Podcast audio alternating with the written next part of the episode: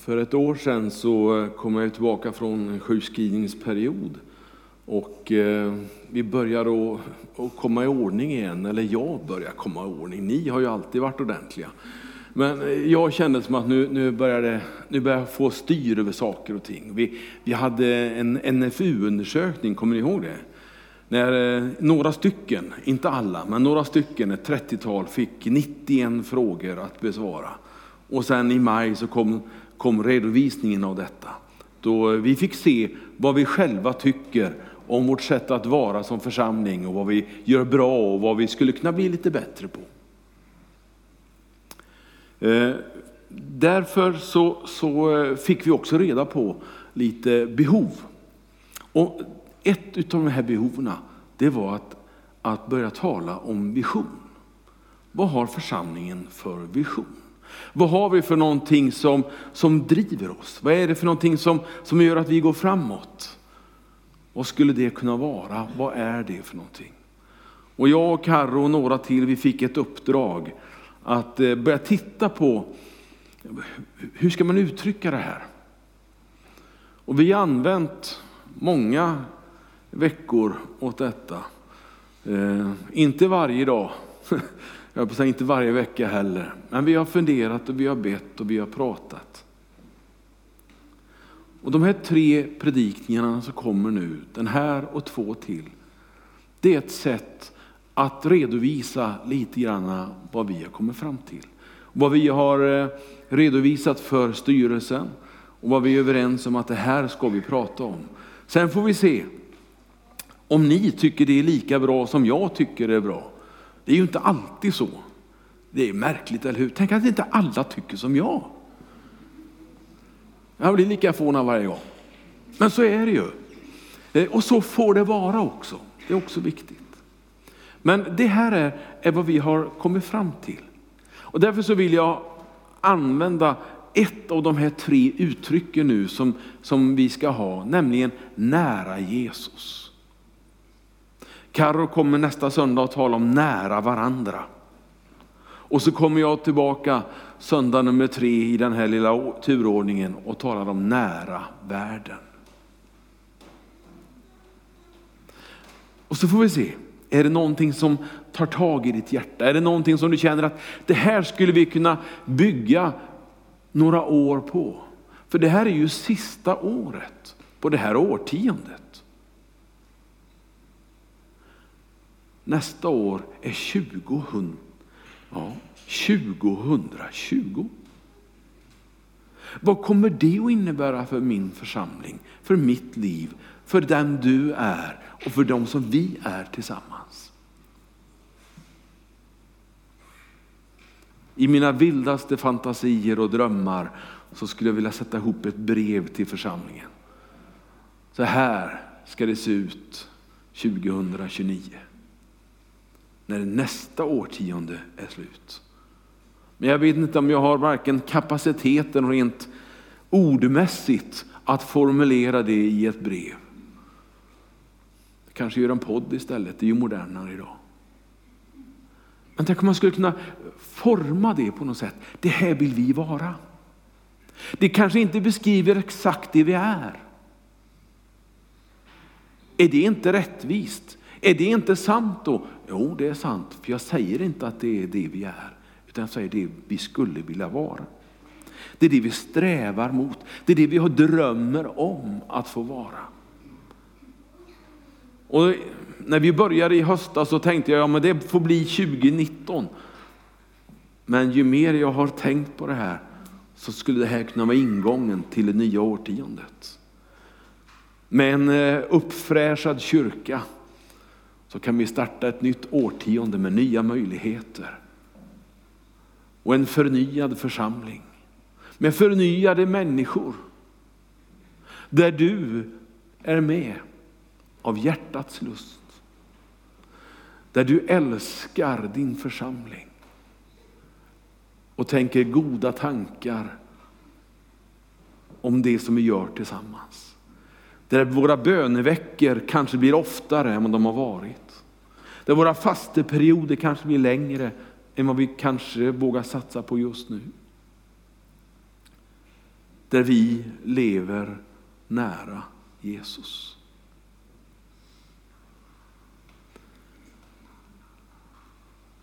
Det har tagit tag i mitt liv, i mitt hjärta, ganska rejält. Ju mer jag har tänkt på det, ju rättare känns det.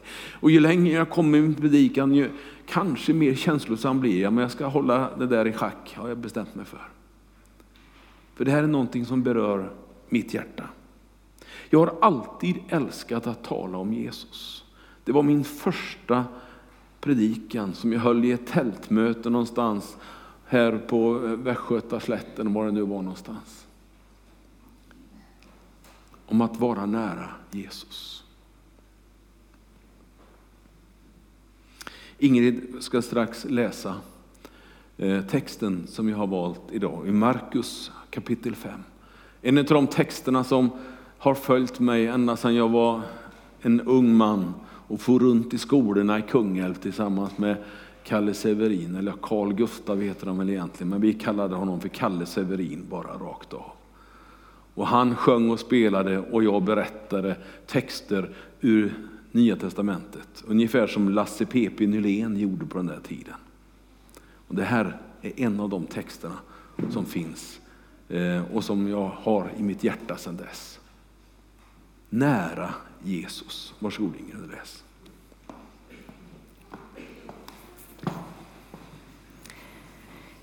Mycket folk följde efter och trängde sig in på honom. Där fanns en kvinna som hade lidit av blödningar i tolv år. Hon hade varit hos många läkare och fått utstå mycket. Det hade kostat henne allt hon ägde, men ingenting hade hjälpt. Snarare så hade hon blivit sämre. Hon hade hört vad som berättades om Jesus och nu kom hon bakifrån i hopen och rörde vid hans mantel. För hon tänkte om hon bara fick röra vid hans kläder skulle hon bli hjälpt. Och genast stannade blodflödet och hon kände i kroppen att hon var botad från sitt onda. När Jesus märkte att det hade gått ut kraft från honom vände han sig om i hopen och frågade Vem rörde vid mina kläder? Lärjungarna sa Du ser väl hur folk tränger sig på och ändå frågar du vem som har rört vid dig. Han såg sig omkring efter henne som hade gjort det. Kvinnan som visste vad som hade hänt med henne kom rädd och darrande fram och föll ner för honom och talade om hur det var. Han sa till henne, min dotter, din tro har hjälpt dig. Gå i frid, du är botad från ditt onda. Tack så mycket. Tack så mycket. Jag ska inte fördjupa mig i vad det var för sjukdom som kvinnan hade. Det har många, både läkare och teologer, försökt att utröna, men de är lite oense, så vi kan väl lämna det. Hon hade en jättejobbig situation. Hon hade en situation som gjorde det omöjligt egentligen för henne att vistas bland vanliga människor. Det var lite tabubelagt att ha den typen av besvärligheter som hon hade i sitt liv och vara bland människor. Hon skulle egentligen hålla sig hemma. Hon var liksom dömd att år efter år få sitta hemma i sin ensamhet. Så det är väl ingenting att undra på att hon drog sig åt det håll där Jesus var. Att hon närmade sig honom. För hon hade ju hört om honom. Det var ingen okänd man på den här tiden. Och allra minst i Galileen, i det som är idag i norra Israel. Där var han välkänd. Där gick han runt mellan byarna och städerna. Hans lärjungar följde honom och mycket märkliga saker skedde. Han talade så gott om himmelens Gud. Han talade om en närvaro. Jag tror att jag skulle behöva ett glas vatten. Någon kanske springer ner och hämtar det till mig. Ja, tack.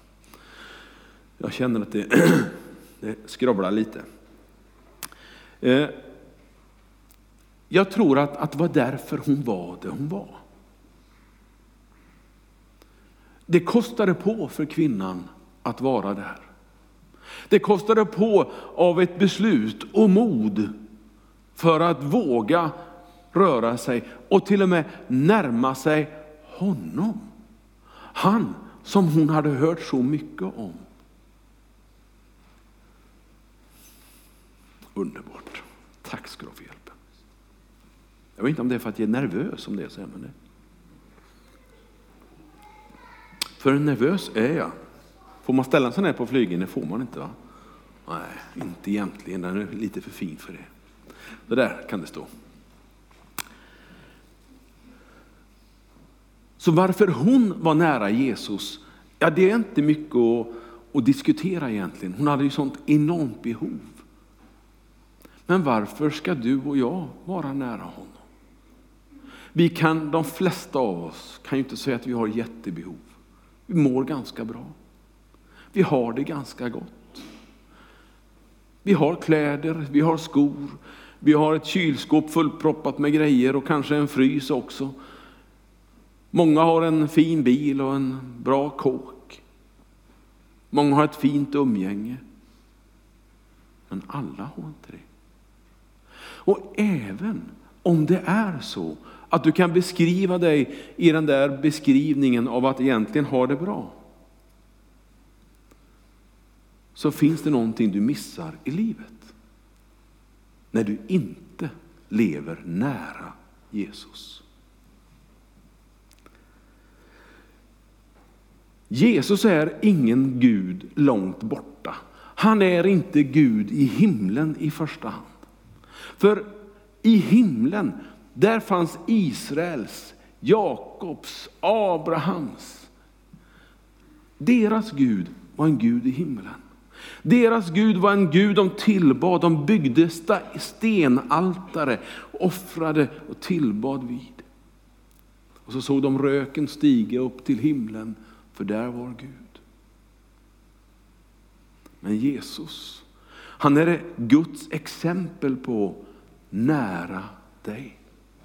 Han är Guds exempel på att Gud vill ha gemenskap. Han vill att vi ska vara nära honom. Vi ska ha en relation med honom.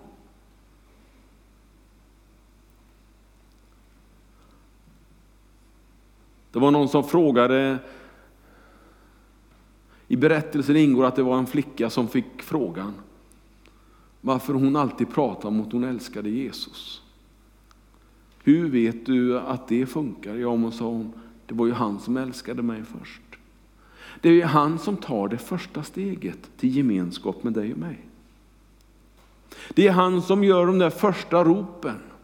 Och det har han gjort, det har Gud och himlen har ropat på människan sedan första Moseboks tid. Har du läst berättelsen, gör det gärna när du kommer hem annars i första Mosebok 1, 2 och kanske inte minst kapitel 3. Där människan ställer till det. Och när Gud kommer gående i lustgården så ropar han, hallå, vad tomt det var.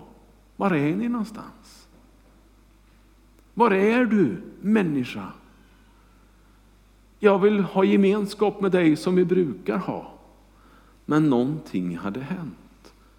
Synden hade kommit in som ett avbrott mellan Gud och människor. Men Gud vill så mycket mer. Så redan där börjar han söka, ropa efter oss. Jag vet inte om du har hört hans rop i ditt hjärta. Var är du någonstans? Jag vill ha dig närmare mig, säger Gud. Och så kommer Jesus som svaret på alltihopa. Att han dör på ett kors, att han får lida och dö och uppstå, ja det är en del av berättelsen. Men syftet det var att du skulle få leva nära honom.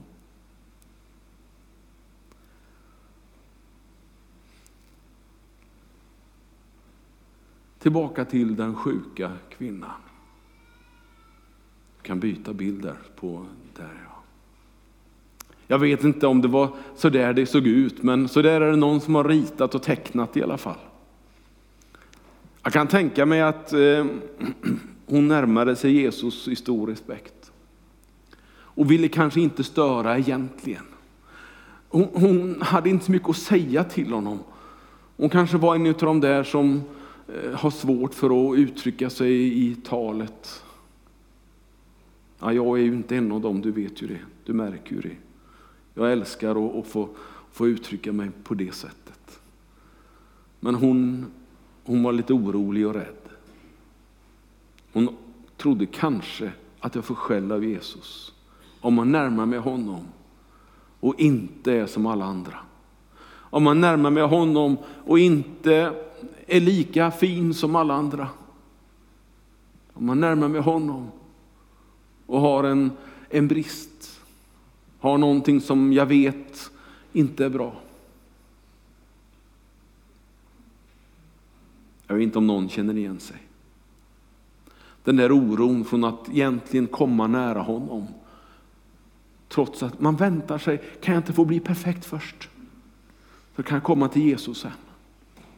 Det skulle kännas mycket bättre i hans gemenskap om jag var perfekt. Jag vet inte var det kommer ifrån. Men på något sätt så är det så många av oss känner. Men det är innan det händer som du behöver närma dig honom. Det är när du fortfarande har din brist. När det fortfarande inte är riktigt, riktigt bra i ditt liv. Jag sitter hemma nu och läser några sidor åt gången. Jag har ett speciellt ställe som jag brukar läsa på hemma. Jag ska inte berätta var. Men där är det. Och där läser jag Sebastian Staxets bok. Hans fight för att komma nära Jesus. Han fick kämpa varje dag ett bra tag. Med många bakslag och många misstag och många märkliga händelser.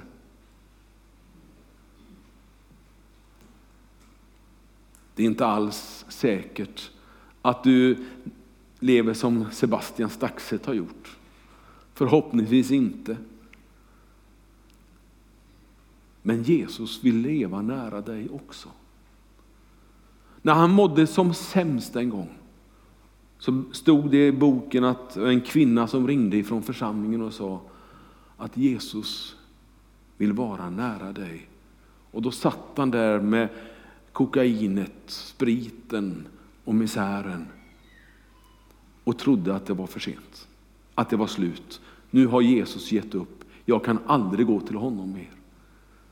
Men så ringer hon och blir liksom en röst för himmelen själv. Säger, Ja, det var nära dig ändå. Och det skulle jag vilja förmedla till dig idag också. Jesus vill vara oss nära, även om vi misslyckas ibland. Även om vi inte alltid är så som vi skulle vilja vara.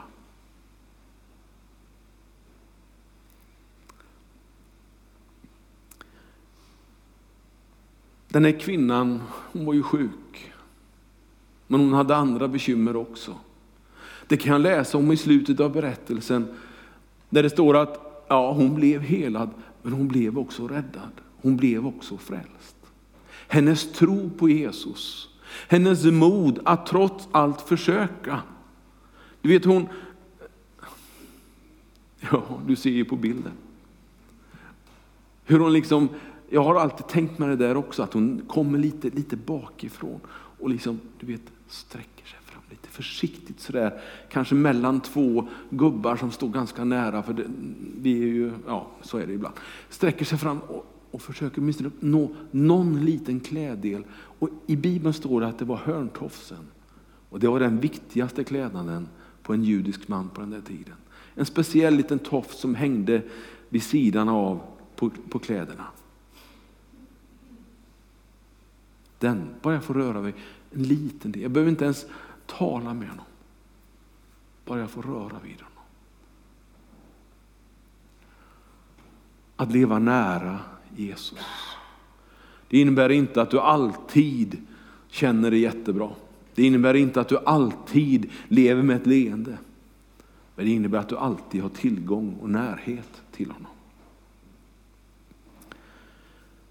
Hon blev frälst genom sin tro. Och det erbjudandet står faktiskt kvar idag också. Den tro du har, du behöver inte rada upp den så att den blir stor som ett skyskrapa. Den kan vara liten, ynklig, den kan vara liten och tunn, liten och svag. Men den finns där. Hur du än mäter den så finns den där. Bejaka den tron. Och kom och lev nära Jesus.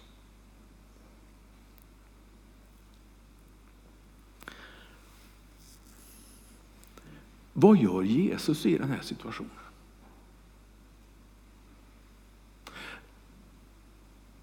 Han skulle kunna ha bara gått vidare. Han skulle kunna ha missat alltihopa, för hon rörde ju bara vid hörntofsen. Hon knackade ju inte på axeln på honom. Hon ryckte honom ju inte i kläderna. Ni vet det som barnen gör när de ska ha uppmärksamhet från föräldrarna. Hon ringde inte och, och försökte och liksom få kontakt med honom. Ja, det fanns flera orsaker till det förresten. Men Jesus märker att någonting händer. Och jag vet inte om det är så här, men tror du att han kanske märkte att någon med tro på honom behövde honom just då? Det står att han märkte att kraft gick ut ifrån honom. Men han såg inte vem det var som var orsaken. Jesus reagerar ofta på när människor med tro, om en liten eller stor, närmar sig honom. Så ger han ofta ett erkännande. Och han sökte efter kvinnan för att liksom hitta den personen som hade fått del av kraft och möjligheter. Så han frågade, vem var det som ja men Jesus sa lärjungarna, du fattar väl att här, vi knör ju, ja det kanske de inte sa, men vi knuffas och vi, vi finns här runt omkring dig allihopa. Och det är klart att det är många som, eh, vad menar du? Ja men det är någon speciell som behövde min närhet just nu. Och så finner han henne och skäller ut henne av noter. Nej. Han gör ju aldrig det. Han gör ju aldrig det till någon som söker honom. Några ger han en rejäl utmaning. Den rike ynglingen får en sån. Eller hur? Men han skäller aldrig på någon som kommer där med tro och söker honom. Han kan skälla på dem som bara vill fälla honom. Som bara vill gillra fällor för honom. Som bara vill honom illa. Som vill att han eh, drar iväg någonstans långt borta för han stör ju ordningen, vilket han gjorde ibland. Han störde ju det som var normalt. Det som religionen fanns där och liksom tryggheten, han kom och störde den och sa att Gud lever inte långt borta, han vill leva nära. Och sen dess så är budskapet detsamma. Jesus vill leva nära. Jesus vill, när jag gick i, på, hette barnmöten, jag vet inte om ni har varit med om det. Hade ni sånt här i, i Tibro för hundra år sedan? Nej, inte hundra, men många år sedan. Nej, det, jo, det var några som var med. Ja, det är bra. Det var möten speciellt för lite yngre. Och så hade man eh, flanobilder. Kommer ni ihåg det? Bilder på Jesus och bilder på hjärtat. Det var ett vitt hjärta och det var ett svart hjärta. Det var, ja, det var alla möjliga bilder för att beskriva Jesus. Och tron på honom. Och jag gick på de där barnmötena. Och det blev, det blev en källa till tro för mig. Det blev ingen avgörelse, det blev inget beslut. Det kom först i tonåren, tidiga tonår. Då beslöt jag mig för att tro på Jesus. Och då bestämde jag mig för att jag vill leva nära honom. Jag vill leva i kyrkans mitt, i det centrala. Jag vill försöka påverka och finnas till hjälp och, som en möjlighet. Och ibland så har det lyckats bra och ibland så har det inte gått så jättebra. Men tänk att få komma ändå. Även om jag inte är bäst jämt. Ändå få komma till honom och säga Jesus, låt mig få leva nära dig. Låt mig få ha en gemenskap med dig, även om det kan kännas tufft ibland.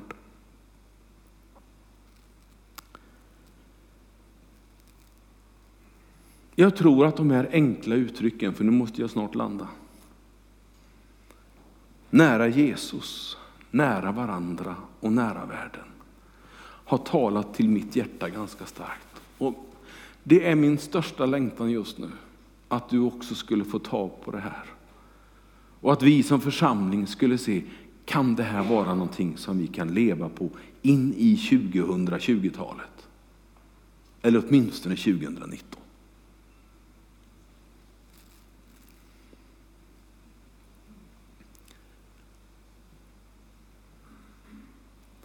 Vi ska strax fira nattvard.